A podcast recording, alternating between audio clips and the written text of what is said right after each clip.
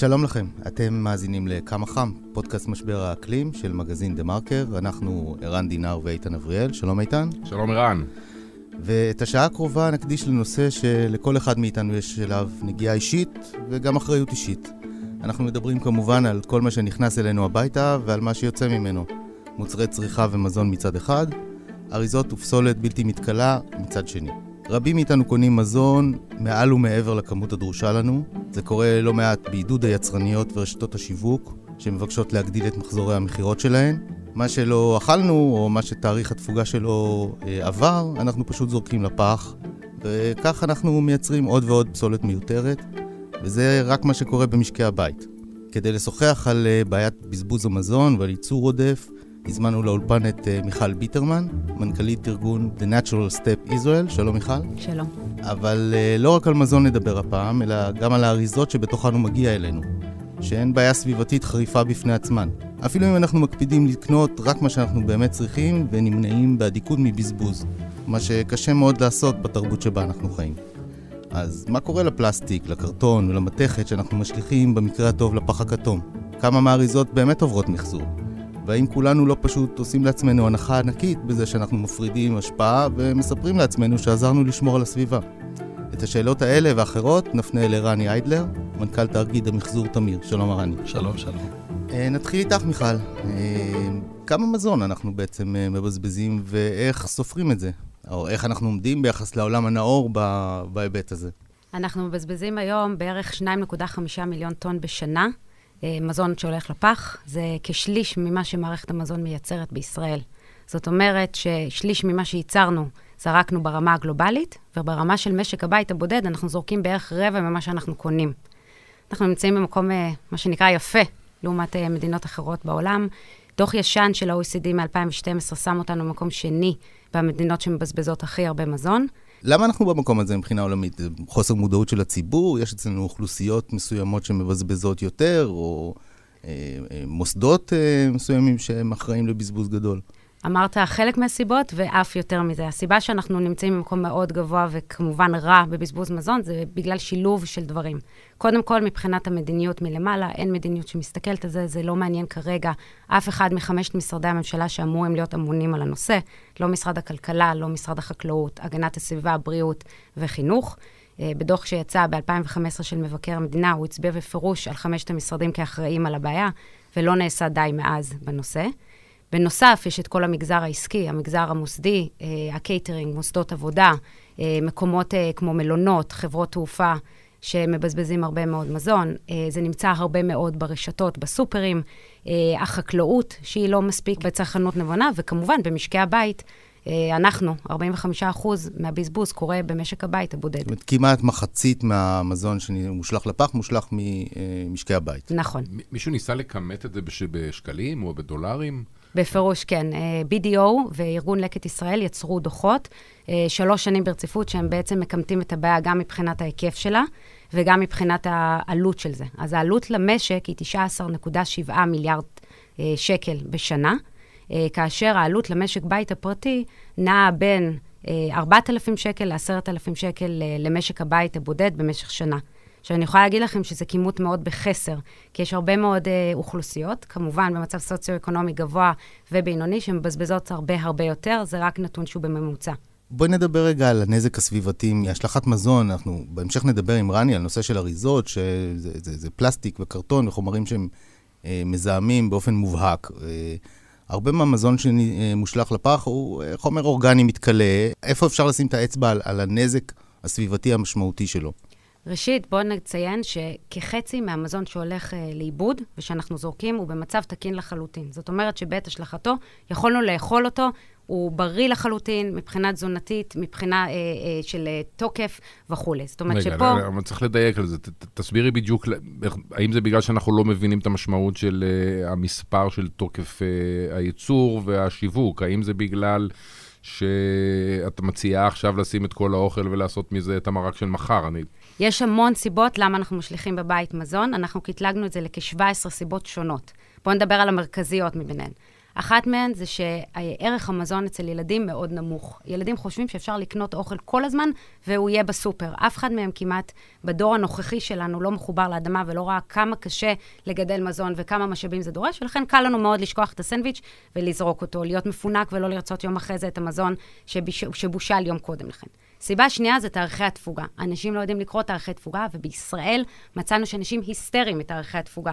אם הם רואים משהו מוטבע כתאריך, הם לא בודקים אם זה עדיף לשימוש עד או משהו אחר, אלא הם uh, הולכים וישר זורקים לא, את זה. אבל איך אפשר להתייחס לזה אחרת? גם אם זה עדיף לשימוש עד, אז אני אקח על עצמי את האחריות הבריאותית לערער על מספר שהיצרן uh, טבע בעצמו. זה... חשוב להבין שבתאריכי תפוגה יש שני תאריכים רלוונטיים, לשימוש עד, ואז אין יותר ספק, שם צריך להפסיק לאכול את האוכל, ומבחינתנו אנחנו לא ממליצים לאכול אחרי. ויש מושג שנקרא עדיף לשימוש עד, שאין בעיה להשתמש במוצר עדיין, והוא עדיין תקף ורלוונטי, ומבחינה תזונתית הוא אפשרי. אז למה בכלל הוא מוטבע? בגלל שהיצרניות רצו לעשות איזשהו פער בין המצב המיטבי של המזון לבין המצב שאחריו כביכול המצב הלא מיטבי, אבל עדיין אפשר להשתמש במזון. עכשיו, השאלה הטובה הנשאלת, האם צריך בכלל שני תאריכים? למה אין תאריך אחד? יש הרבה מאוד מוצרים שבכלל לא צריכים שיהיה עליהם מוטבע תאריך תפוגה, כמו חומץ, כמו מלח, כמו דבש. אלו מוצרים שהדירקטיבה האירופאית כבר הוציאה אותם, ואין שום סיבה אה, לקטלג אותם. בנוסף, צריך לעשות בעצם האחדה של תאריכי תפוגה, שאותו צרכן ידע להבין את התאריך תפוגה, ויהיה תאריך אחד או שניים, ולא מה שנמצא היום, שזה באמת המון המון תאריכים שונים. חזרה לסיבות למה אנחנו זורקים uh, בבית, uh, כל התוכניות בישול, יצרו איזשהו מצג של, אה, של אה, כל מיני מתכונים שנראים לנו מאוד מאוד סקסיים ומעניינים כשאנחנו מנסים לחקות אותם, ובסוף היכולות הבישוליות של האנשים בשטח הרבה הרבה יותר נמוכות. והרבה פעמים אנחנו באים ואנחנו תואמים ואנחנו מאוד מתאכזבים, ואנחנו זורקים כי זה כבר לא נראה לנו טעים כמו מה שגילינו בטלוויזיה. רגע, זאת אומרת שהשיגעון של תוכניות הבישול בטלוויזיה, מעבר לזה שלפחות לטעמי זה תוכן... טלוויזיוני בינוני לצורך העניין, אז הן גם מזיקות דרך העניין הזה שאנשים מתאכזבים מהבישולים שלהם וזורקים הרבה אוכל? אני חושבת שהן עושות נזק עצום, כי אני חושבת שהן מייצרות מצגי שפע, הן מייצרות מצגים של אסתטיקה שהיא לא ריאלית. תכף ניגע, כי אחת הסיבות של ההשלכה זה אסתטיקה אה, כביכול אה, לא אה, שוויונית.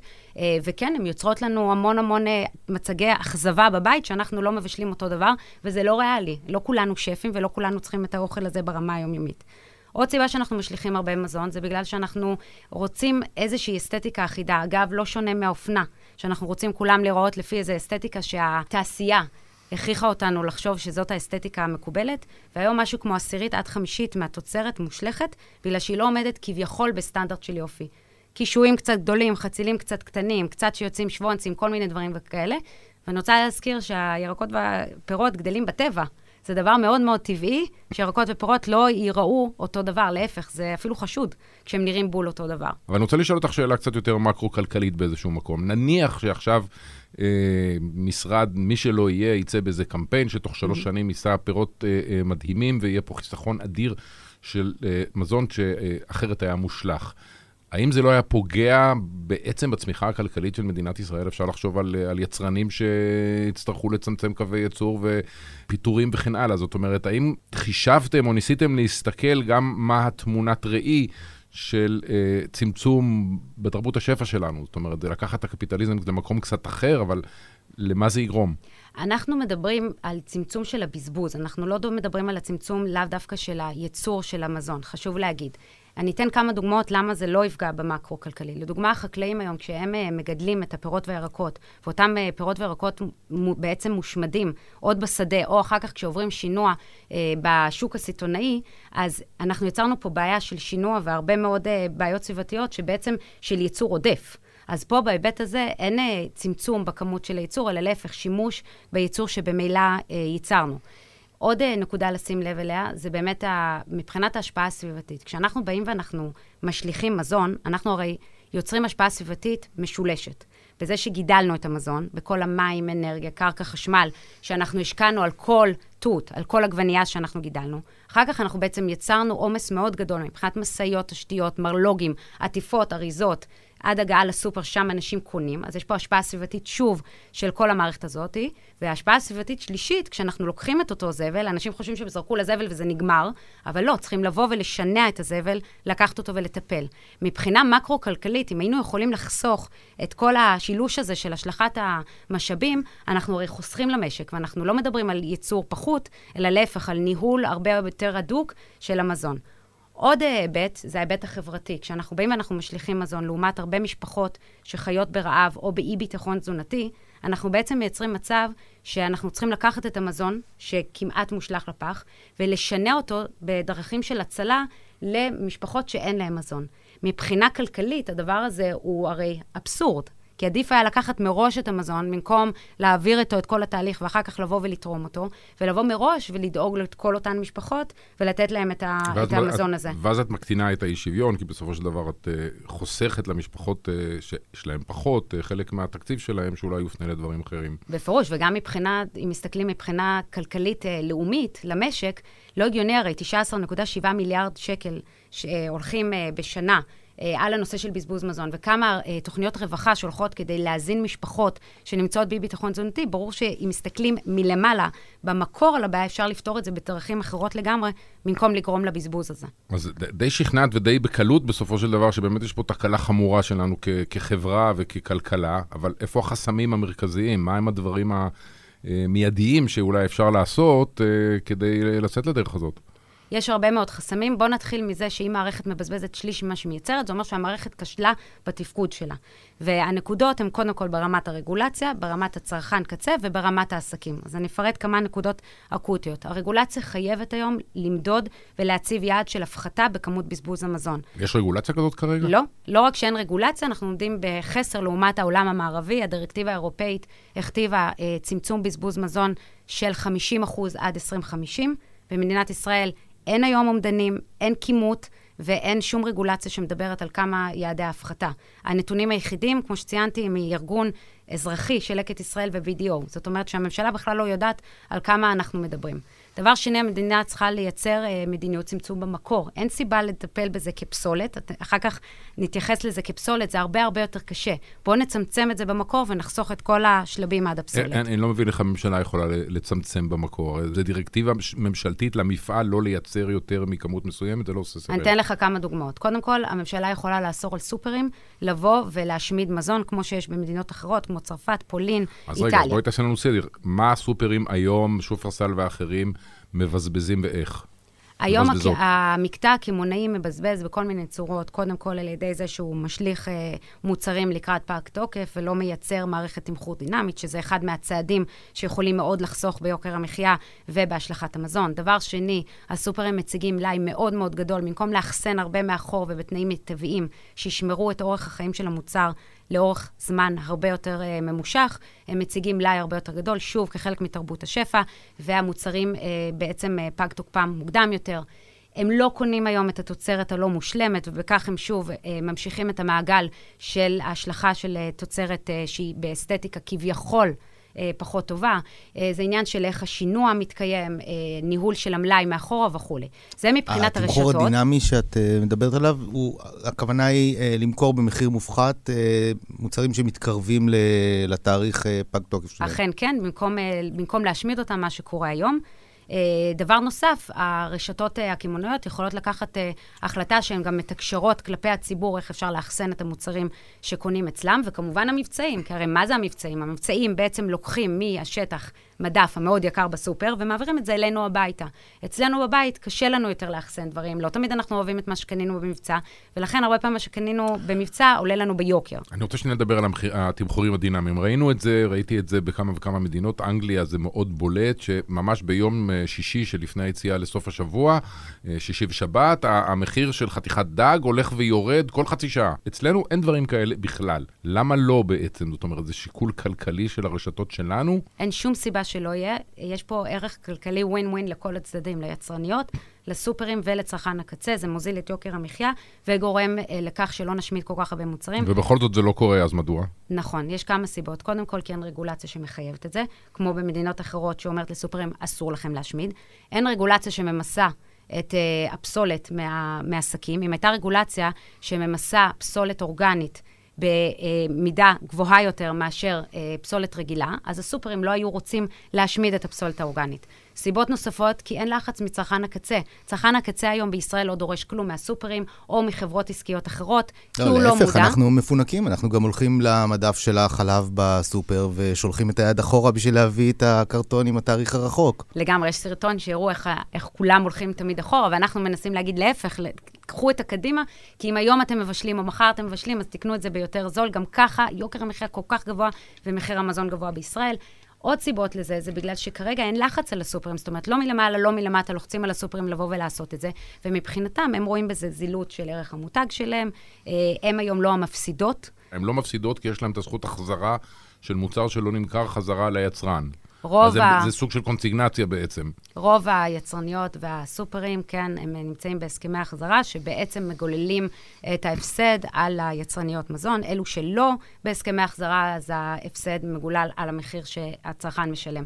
ולכן היום למעשה במערכת הכלכלית בישראל, הרשת הקמעונאית לא מפסידה, אבל אחת הבעיות הנוספות, שיש לנו איזו יהירות ישראלית, שלא להיכנס, וזה כאילו מגעיל, וזה ג'יפה, ולקנות בפחות, אנחנו לא מסכנים, מה פתאום, אנחנו נקנה בהרבה יותר יקר, ולא מבינים שבכל העולם המערבי, להפך, מחפשים את אותו מדף, את אותו מקרר, כדי לבוא ולמצוא את המקומות ואת ההזדמנויות לקנות ביותר זול, כי אין בזה שום דבר פחות. רן, בוא, כן. בוא נדבר קצת על ביגוד ש, שמזכיר את המזון במידה מסוימת. התופעה של השנים האחרונות בתחום האופנה היא אופנה מהירה, אנחנו רואים את זה גם ברשתות שפועלות בארץ, גם ברכישות המוניות מאתרי מסחר מסביב לעולם, בעיקר בסין.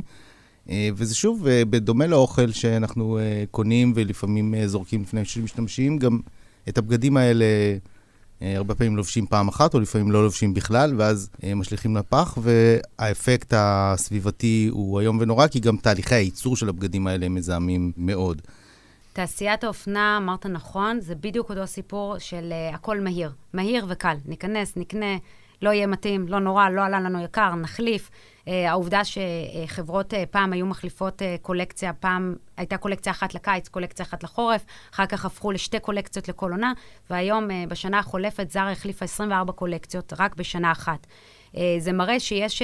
איזושהי הסתכלות של זילות כלפי הערך של מה שאנחנו קונים. כמו במזון, שאנחנו מזלזלים בערך של, של המזון, כך גם באופנה, הדברים נורא מהירים ומאוד מאוד זולים. אם מסתכלים על חולצה, 9.90, 29.90, הרי ברור שהערך הכלכלי של חולצה לא יכול בחיים להיות באמת 9.90 או 29.90, כשלוקחים בחשבון את כל המחזור חיים שאותה חולצה עברה מהרגע שהיא גודלה כחומר גלם, אם זה כותנה, והמים והחשמל והאנרגיה, ואחר כך שהיא עברה איזושהי תפירה הונית, או הכניסו לה איזה ריצ'ראץ', ואחר כך הדביקו לה איזשהו תיווי, והיא עברה במשאיות למקומות אריזה והפצה, וכל העורכי דין והפטנטים והמשווקים והמשנים והרשתות החברתיות. יש הערכות uh, כמותיות לגבי, זה קשה לדבר פה על בזבוז, ש... כי, כי זה לא הלך בדיוק לפח באותה דרך כמו המזון, אבל... מישהו ניסה לכמת את, ה, את הבזבוז הזה בדרך מסוימת? כן, מר, בהחלט כן. רואים שתעשיית האופנה היא בערך כעשירית אה, מפליטות גזי החממה, מבחינת ההשפעה של זה של משבר האקלים, אה, ויותר ויותר מודעים לזה שגם מבחינת חומר הגלם, גם מבחינת כמות המשאבים הסביבתיים של מים, הדישון שהולך, הנזק הסביבתי הארוך טווח הוא נזק מאוד מאוד גדול, אה, ובעצם הנושא של אופנה... יש לה שני אספקטים. שאלת לגבי מדינת ישראל. אז קודם כל, אין כמעט כלכלה מקומית בנושא של אופנה. אין לנו כמעט אופנה פעם, מקומית. היה פעם, נכון, סגרו אותה. הרגנו אותה.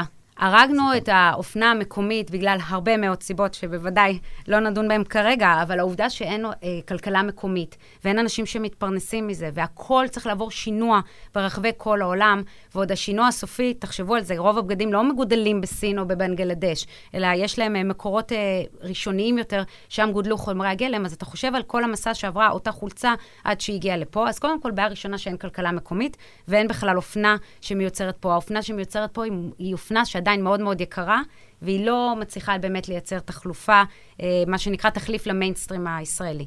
הבעיה השנייה, שברמה העולמית אנחנו מדברים על אה, עלויות שלא מגולמות על המחיר הסופי של הבגד. גם אם המודעות הציבורית תגדל מאוד לגבי האפקטים השליליים של כל התהליך הזה, בסוף עומד אה, אדם עם אפשרות לקנות חולצה ב-80 שקל או לקנות אותה ב-9.90, והתמריץ הכלכלי כאן הוא, הוא חזק מדי. קשה להאמין שבצורה מסיבית הרבה מאוד אנשים יחליטו לעשות את הדבר הנכון ולהימנע מלרכוש את אותה חולצה מאלי אקספרס, כשההזדמנות היא, היא כל כך uh, קורצת. אז איך מתמודדים עם זה? תמיד אני חושבת שצריכה להיות תנועת מלקחיים. זה צריך להיות מרגולציה, מצרכנים ומעסקים ביחד. אבל בשונה ממזון, אני חושבת שהסיפור של האופנה צריך להתחיל קודם כל מרגולציה. אה, ומלחץ ציבורי מאוד מאוד מסיבי נגד הרשתות הגדולות של האופנה המהירה, אה, בדמות של חרמים או עצומות וכולי, ורואים את זה כבר קורה. אבל בשונה באמת מהמזון, שאפשר בבת אחת להתחיל כולם, אני חושבת שפה בלרגולציה יש תפקיד מאוד מאוד משמעותי, ואני אציין כמה דברים שאני חושבת שהרגולציה צריכה לעשות. קודם כל, לחייב בשקיפות. בן אדם חייב לדעת מאיפה המוצר שלו הגיע. בדומה לדברים אחרים. יודע, כתוב made in China, made in בנגלדש. אבל זה כל מה שהוא יודע. הוא לא יודע מה החומר גלם, הוא לא יודע את כל המסלול שזה עבר, הוא לא יודע איזה חומר השתמשו כחומר גלם, את הסינתטי. אז את רוצה לחולצה של ה-9.90 לשים מדבקה כן? אה, עם, עם 30 שורות אה, ופרמטרים על אה, בהחלט. ייצור וזה, אוקיי. כמו שיש במזון, יש לך במזון את התפריט, שאתה יודע בדיוק איזה מוצרים יש, וש, ולאט לאט אני מקווה שאנשים גם ידעו לקרוא את זה. בהחלט, אני רוצה שבמוצרי אופנה ידעו, אגב, כמו שאני רוצה שיהיה בבנייה.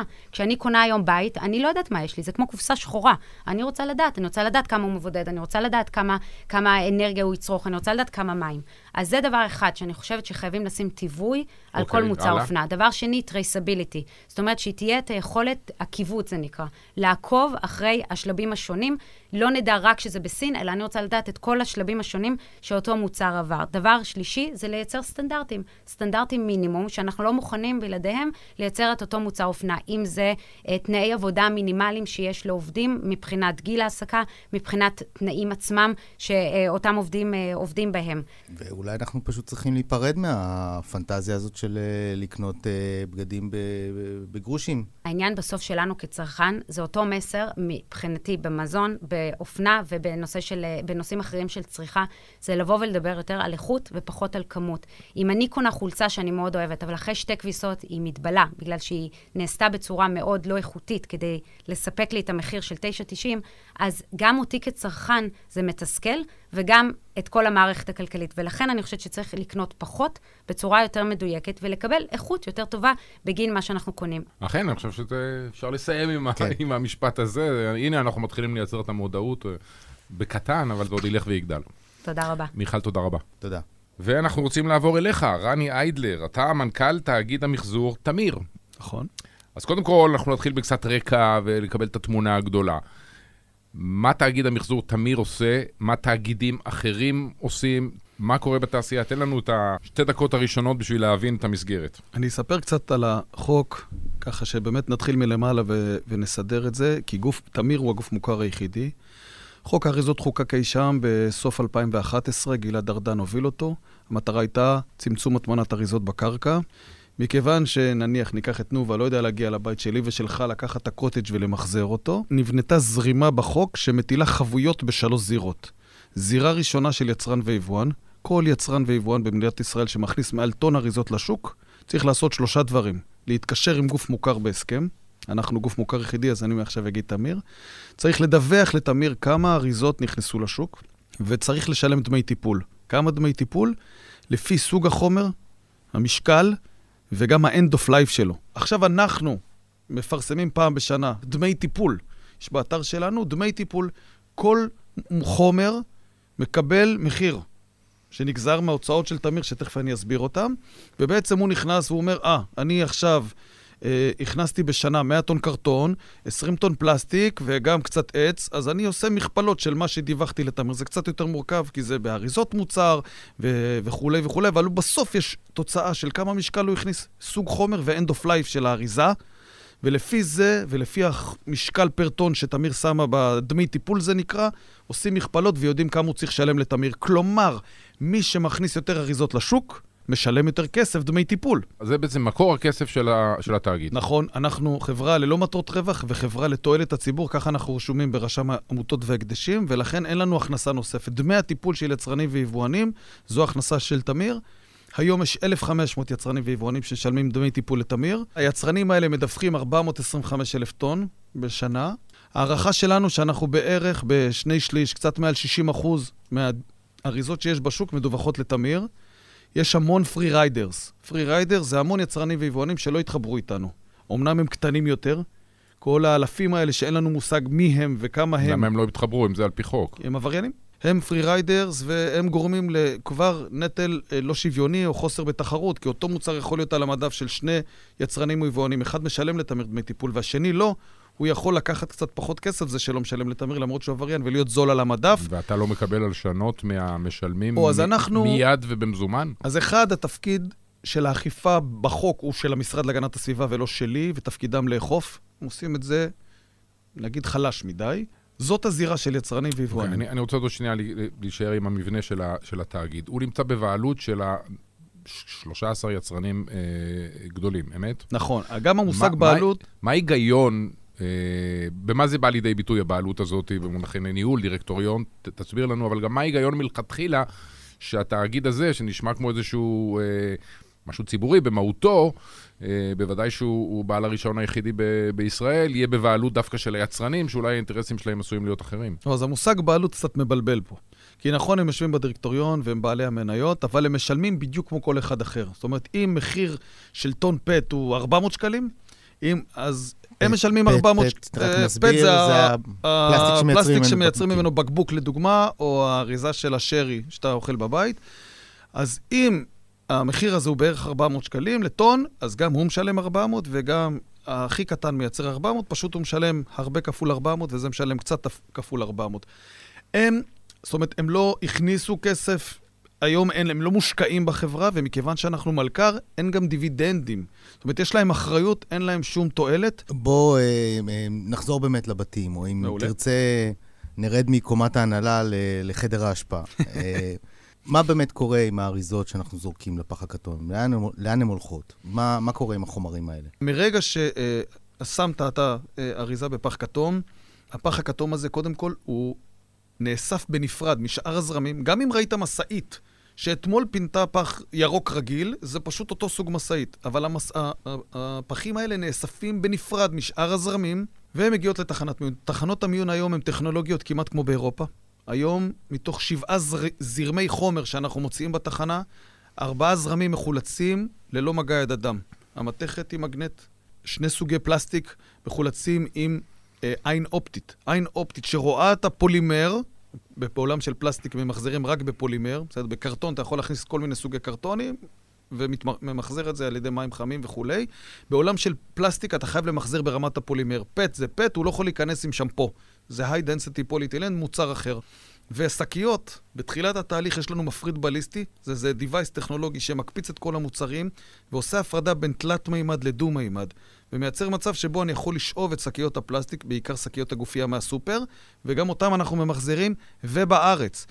זאת אומרת, יש שבעה חומרי גלם שהם מחולצים בתחנת מיון, ואחר כך הם עוברים למחזור. הכל בשליטה של תמיר, לא גורמים, לא עניין, לא כלום, חוץ מקרטוני משקה, שהוא מוצר מולטי-לייר, רב-שכבתי, שאין הרבה מפעלים גם בעולם שנוסע לחו"ל.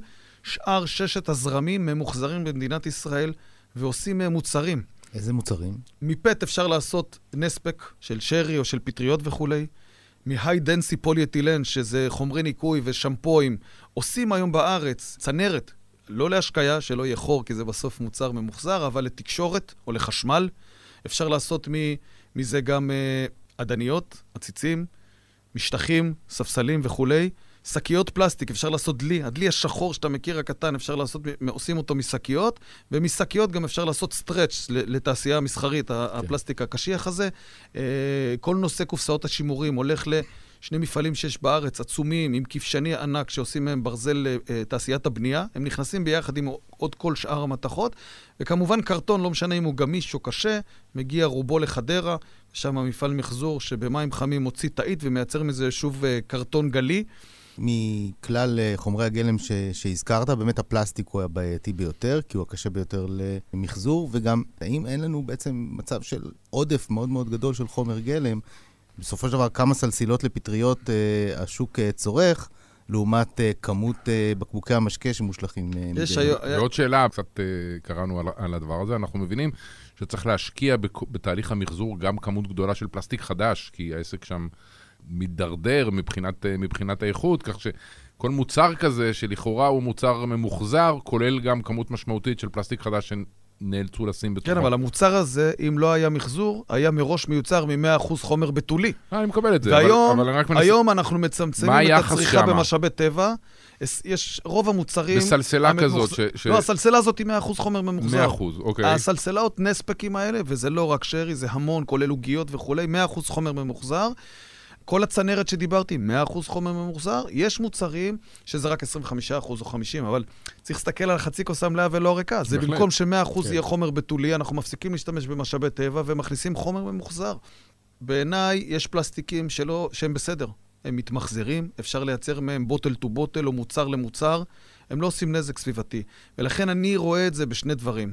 אני רואה פעם אחת less פלסטיק, אנחנו מנסים אה, אה, לייצר הפחתה במקור. אם תיקח את הבקבוק הזה שאנחנו רואים פה, ולא נזכיר חברות, הוא היה פעם יותר קשיח, היום הוא קצת יותר מושי כזה, הורידו את חומר גלם, וגם הפקק של האח הגדול שלו הצטמצם בחצי. כי מישהו הוריד את חומר הגלם ועשה הפחתה במקור, הוא מרוויח פעמיים. פעם אחת הוא פחות מוציא כסף על חומר גלם, פעם שנייה הוא פחות משלם לתמיר. אני, רוצה לעשות איזושהי הפסקת ביניים, כמו קודם, ולחזור שנייה להסתכל על התמונה הגדולה. מתוך הסך הכל אה, פסולת של מדינת ישראל, תחלק לנו לאן הולך מה. כמה הולך למחזור, כמה הולך להטמנה, כמה נשלח לחו"ל אולי להטמנה. תן לנו רגע את המקרו של הסיפור. תראה, אני לא אה, סוקר או איש המשרד שיודע לדבר איתך על, על כלל לא, הפסולת. באופן כללי. אבל מתוך סך הפסולת, כשאתה לוקח את הפח שלך בבית, משקלית, וככה יודעים למדוד היום, משקלית בערך 17% זה אריזות. בסוגריים, נפחית 50-60% מהפח או אריזות, ולכן משתלם לרשות מקומית ליישם הסדר הפרדה פח כתום ולעודד את התושבים להפריד. כי ככל שתושבים יעבירו אריזות מירוק לכתום, נצטרך לפנות פחות ירוק. ירוק, פינוי אשפה ברשות מקומית זו הוצאה מאוד גדולה, ולכן יש אינטרס כלכלי ליישם את זה, ונחזור רגע למה ששאלת. ה-17% האלה של אריזות, שבכלל יש בבית, הם סך הכל הכללי. היום מדינת ישראל, יש היום 109 רשויות שיש בהן פח כתום. יש היום, מתוך? יש היום, מתוך 256, אבל יש היום 4.7 מיליון תושבים שחשופים לפח כתום, או אם אנחנו נדבר במשפחות, 1.4 מיליון משפחות. אנחנו אמורים, לפי הנחיות של המשרד להגנת הסביבה, להגיע עד סוף 2021 ל-1.9 מיליון משפחות. זה אומר מעל 70 אחוז מאוכלוסיית מדינת ישראל יוכלו להפריד אריזות לפח כתום. עכשיו, ההערכות שלנו היום, שבערך אחד מכל שש משפחות מפריד אריזות, וגם מי שמפריד, לא כולם מפרידים. אחד מכל שש זה מעט מאוד. נכון? הצורך לחנך את הציבור פה הוא, הוא מאוד משמעותי, ו, וזה מהלך שיהיה קשה לעשות. תמיד יהיה שיעור מסוים של האוכלוסייה שלא יבין בדיוק לאן הולך כל דבר. אז למה בעצם לא לחסוך את הדבר הזה ולמיין במרכזי האיסוף באמצעים טכנולוגיים? למה להטיל את הדבר הזה על הציבור? ישראל לא המציאה את הגלגל. בכל אירופה, ובכלל בדירקטיבה, יש היררכיית טיפול בפסולת. אבל זה מותנה בנכונות של הציבור לעשות את זה. אם משום מה הציבור לא עושה את זה, ואתה או לא מקבל, לא מקבל את הפסולת אה, מעורבבת לא נכון, ואז יש לך בכלל קושי לטפל בכל הדבר הזה, אז... ובנוסף כל הפחים שאתה צריך לשים ליד כל בית, שזה אה, בכל אופן לוקח מקום, אז אולי באמת זה לא מתאים לכל מדינה. יש, יש שיטות שהן לא רק וולונטריות, ואני הצעתי את זה גם למשרד להגנת הסביבה וגם למשרד הפנים, שנק, אה, שיטות שנקראות pay as you throw. אפשר להניע מהלכים שבהם הציבור יתומרץ על זה שהוא ממחזר. אם הפח שלך ליד הבית, הירוק, אתה תצטרך, מה שנקרא, עם איזה כרטיס או קוד, להכניס את הזבל שלך, ורק על זבל, זבל אורגני או זבל, תשלם. שאר הזרמים, גם ככה העירייה היא חינם. זאת אומרת, אתה, את האריזות שלך תפריד, כמות הפעמים או כמות, או המשקל שאתה תכניס לפח הרגיל ירד, אתה תשלם, רק עליו יעשו לך הפחתה בארנונה, תקבל תמריץ וכולי. יש שיטות כאלה, צריך, המדינה צריכה לסגל את זה. יו, ו- שיטות שעובדות באיזשהו מקום בעולם? בבלגיה ובהולנד ובעוד כמה מדינות זה קורה, זה שוב, אין, זה אין לא יהיה... תמריץ כלכלי, זה זה, לא זה, יהיה- נכון. זה הדבר היחיד שכלכלנים יודעים, שאם אתה נותן תמריץ של כסף, אז זה עובד. תראה, גם במודל אימוץ החדשנות של רוג'רס, הוא מדבר על, על זה שיש איזה 16.5% שעושים כמעט כל מה שתגיד להם, חלוצים, המקד... מקדימים לאמץ, ויש, צריך לעבור איזה תהום כדי שרוב הציבור יצטרף אליך, למרות שזה וולונטרי. ואם אנחנו נעשה מהלכים חזקים מאוד בעולמות של אמון, ראשי עיר ידברו, אנחנו נעשה תוכניות כמו כאן, שהציבור יבין שזה נאסף בנפרד, שזה מת- מתמיין, אני מעריך שציבור רב יצטרף למהפכה הזאת ו- ויפריד אריזות בבית. ואני אחזור רגע להיררכיית הטיפול בפסולת. אז אמרתי, הפרדה במקור זה דבר ראשון. מקום שני, זה בתחנות המעבר, מיון. אני לא אומר שלא צריך למיין, כי הרי יכול להיות שאתה תפריד והוא לא יפריד, ומישהו יצטרך לטפל בפסולת שלו. עכשיו, למה זה לא הפתרון היחידי? כי בסוף פסולת אריזות שנדבקת עם פסולת אורגנית במשאית דחס שדוחסת, מה לעשות? הפסולת נפגמת. חלקה הגדול אי אפשר בכלל למחזר, חלקה הגדול יוטמן למרות שיש טכנולוגיות, תחנה ב-100 מיליון, 120 מיליון שקל, שקיות לא תוכל בחיים למחזר, קרטוני משקה לא תוכל למחזר. יכול להיות שגם חלק מהקרטון ידבק בו כל כך הרבה ג'יפה שאף אחד לא ירצה לקבל אותו. חלק מהפלסטיקים, זאת אומרת, הפחתים בתהליך הזה יהיו כל כך גדולים, שלכן... לבד זה לא יכול להיות, זה פעולה משלימה. הפרדה במקור, מיון בתחנות מעבר, ובסוף, הדבר האחרון צריך להיות incineration. מילה לא משהו בישראל להגיד משרפות. שריפה. ולכן אולי זה לא עובד, אבל בסוף, גם אחרי המיון בתחנת המיון וההפרדה במקור, מישהו צריך לקחת את שאר הפלסטיקים הקטנים, שאר הדברים שלא נכון להיום, יש, משרפ... יש משרפות בישראל? לא. לא. הד... הדבר היחידי שיש... למרות שיש באירופה ובציריך וכן הלאה, אנחנו נכון, לא עושים את אתה זה. אתה צודק, ואפילו במרכזי ערים. כי? המשרד להגנת הסביבה לדעתי עשה קול קורא להקמה של כאלה משרפות, והוא מנסה לייצר שת"פ עם רשויות כדי שייתנו בתחומם שטח קרקע להקים את זה, אבל אתה מכיר את המושג NIMBY, not in my backyard, אף אחד לא רוצה, רוצ... כולם חושבים שזה על הכיפאק, אף אחד לא רוצה את זה בחצר שלו. אני חושב שזה פלוס הקונוטציות הלא משהו. מובילות לזה שאין. נראה לי שאתה צודק, אחרי כל מה שעשו לאסדה של לוויתן אה, מול זיכרון, אז... מתקן דומה שגם יפלוט משהו, אתה צודק. אה, זה לא הולך, להיות, אה, לא הולך להיות קל. ולכן אנחנו לא שורפים, ומה אנחנו עושים עם כל הזבל הזה שאנחנו לא ש... יודעים להפריד? הפסולת השיעורית של תמיר היא מאוד מאוד קטנה. מתוך מה שמגיע בפחים הכתומים, אחוזים בודדים עוברים להטמנה. הכל מטופל, הכל ממוחזר, 85-90 אה, אחוז מחולץ כחומר, ורובו עובר למחזור בארץ, לשאלתך. אם אני אדבר רגע על הגלובל מדינת ישראל, אין לי מספרים, אין לי נתונים מה קורה בפסולת הירוקה וכולי, אני יכול להגיד לך שמה שמחזרנו בתמיר, מהאוסף שאספנו בפחים הכתומים, כך 700, 750 מטוסי בואינג 747, תחשוב שהם מפוצצים בפסולת אריזות, זה מה שעבר למחזור ולא נכנס לאדמה לקרקע. אנחנו כבר uh, מתקרבים ל- לסוף התוכנית שלנו הפעם. אני ברשותך רוצה לסיים בשאלה uh, כללית יותר. הציבור יודע מעט יחסית על אה, מחזור פלסטיק. בעצם די מסיר מעצמו אה, אחריות מעצם זה שהוא מפריד אשפה, וזורק את האריזות לפח הכתום, אבל טיפול בפסולת פלסטיק בכלל זה, כמו שראינו, אה, תהליך בעייתי. בעצם אין מנוס מה, מהמסקנה שמחזור פלסטיק הוא סוג של פלסטר במקום שבו מה שאנחנו באמת צריכים זה ניתוח, כי הפלסטיק, נניח שמחזרנו אותו וייצרנו ממנו עוד מוצר. ועוד דור, ועשינו uh, סלסילות ל, לירקות, ואחר כך עשינו עציצים, ועשינו... בסופו של דבר הפלסטיק הזה נשאר במערכת, ואנחנו ממשיכים להכניס לתוכו עוד ועוד. מה, מה בעצם צריכה להיות הגישה שלנו, בגדול, לסיפור של שימוש בפלסטיק, של ייצור פלסטיק והמחזור שלו? תראה, פלסטיק לא, יצא אולי, לו... אולי הפתרון זה, זה לחוקק חוק שצריך תוך עשר שנים לעבור מפלסטיק לזכוכית, ו, וגמרנו. זה מן הסתם יהיה יותר יקר, אבל זה יפתור את הבעיה. אני לא מהנדס אה, אריזות או, או חומרים, אז אני לא יכול להגיד לך אם כל המוצרים שיארזו בזכוכית ייתנו מענה של אריזה, והאם זה כולם. יש הרי מקומות שאתה לא יכול להיכנס לא לבריכות ולא לחופי ים, ולא להרבה מקומות אתה לא יכול להיכנס עם זכוכית. אה, יש מוצרים שהאריזה של פלסטיק היא טובה מאוד להם. צריך לעודד לעשות מפלסטיק רק מה שצריך לעשות מפלסטיק, איפה שיש פתרונות אחרים, בשמחה לעבור. אבל אם אתה חושב שהכוס שתייה החד פעמית שמגישים לך, שהיא עם קרטון נראית לך, ויש בתוכה קצת פוליטילן, עדיף מכוס חד פעמית שהיא רק פלסטיק, אני לא בטוח בכלל. שניהם הולכים לא, לאותו מקום, ל-RDF. שניהם לא ברי מחזור באותה רמה, כי הם multi-layer בכל מקרה, או פלסטיק שהוא פחות טוב למחזור. ולכן צריך לוודא בשלב תכנון האריזה שהפלסטיק הוא ריסייקביליטי, שאפשר למחזר אותו, צריך לוודא שאפשר לעשות איתו כלכלה מעגלית ולא רק מחזור של מוצר אחד ואחר כך הוא נעלם. צריך לעשות תשתית בארץ מתאימה ולהניע מפעלים וממחזרים שייצרו ממחזור של פלסטיק. כן, איפה שאפשר, no פלסטיק, זה הכי טוב, אבל אני חושב שעדיין יש הרבה מוצרים שהפלסטיק היא האריזה הכי טובה עליהם, שומרת עליהם, נותנת להם תוקף ארוך. קודם דיברנו על זריקת זבל, יכול להיות שתחליף את זה באריזה אחרת והיא פחות תשמור עליו, הוא יהיה לאורך זמן, וזריקת האוכל היא, היא יותר חמורה מאשר אה, נושא של שימוש בפלסטיק. צריך שימוש מושכל, צריך שימוש בפלסטיקים או בפולימרים נכונים שמתמחזרים, וצריך לייצר, גם באמצעות uh, תמיר וגם באמצעות בכלל המשרדים השונים, לתת רוח גבית טובה להקמה של מפעלים בארץ, גם רגולטורית, אולי קצת כספית, כדי ש... אנחנו, אנחנו אי בסוף, אנחנו לא יכולים להיעזר בשכנינו, אנחנו צריכים לדאוג לעצמנו, אה, ואנחנו צריכים להקים פה מערך מספיק טוב של ממחזרים ויצרנים שמייצרים מחומר post-consumer, כדי לדאוג לעצמנו ולייצר מקסימום של מחזור בארץ. רני, אה, במסגרת התחקיר שמענו גם אנשים שטוענים, אנשים מתוך התעשייה, שטוענים שאחת המוטיבציות, אולי המוטיבציה המרכזית להקמת המבנה של, אה, אה, של תאגיד A, או תאגיד המחזור במקרה, במקרה הזה, היא התנגדות של אה, היצרנים לנושא של הפיקדון בבקבוקים, שזה בעצם איזשהו מסלול עוקף להוצאות שהיה, שהיה להם בגין חוק הפיקדון הבקבוק, ומצאו פתרון שבסופו של דבר עדיף להם כלכלית. תגיד לנו מה דעתך.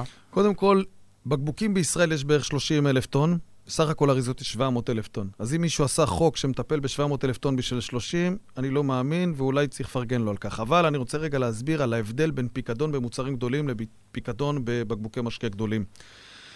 כשאתה בא לקחת בקבוק משקה קטן, הוא נצרך, רוב הצריכה שלו היא away from home, מחוץ לבית.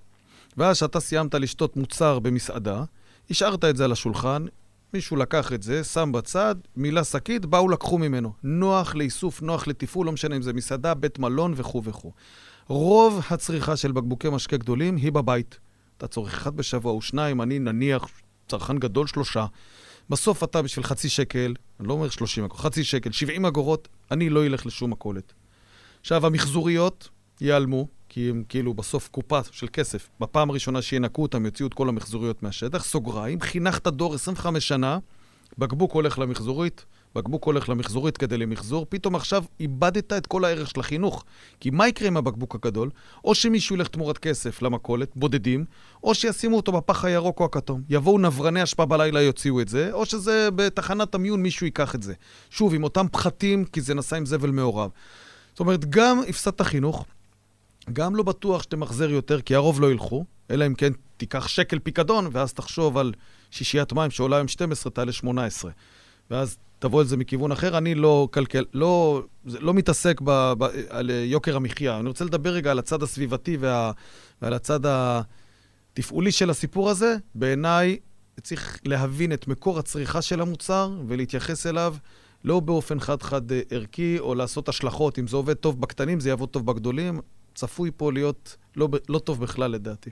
תן לנו על, במשפט אחת, ההיסטוריה של הסיפורים על כניסה של אה, ארגוני פשע לנושא של, ה, של, ה, של המחזור בקבוקים, ואיך זה הסתיים הדבר הזה, כי לא שומעים על זה כל כך בשנים האחרונות. בסוף, אם אתה מסעדה, ויש לך בקבוק, בסוף בקצה מקבלים עליו 30 אגורות. אבל אם עכשיו אתה מסעדה, במקום ללכת לקבל 30 אגורות, אתה מוכן גם לשלם 10 אגורות, 20 אגורות, רק, רק שיקחו.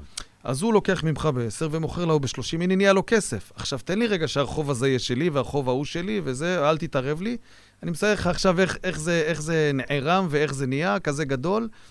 אה, אבל בסוף, אה, היום השיטה עובדת עם אספנים, אה, עם תחנות איסוף גדולות. אלא שהוא התאגיד שמיישם את חוק הפיקדון, מגיע לאותם אה, או אספנים, הם מגיעים אליו, והוא מביא להם, וסופרים, ובודקים, ומקבלים את הכסף, והעסק הזה עובד. תודה רבה לך, רני. תודה רבה לכם. אני חושב שעצם העלאת הנושא וחשיפתו מאוד חשובה. אם דיברנו אפרופו על חיזוק אמון הציבור, בעיניי זה פלטפורמה מדהימה לקדם את הדברים האלה. תודה. צעד קטן בדרך ארוכה. כן. תודה רבה לכם. אנחנו uh, ניפגש פה בתוכנית הבאה של כמה חם. להתראות.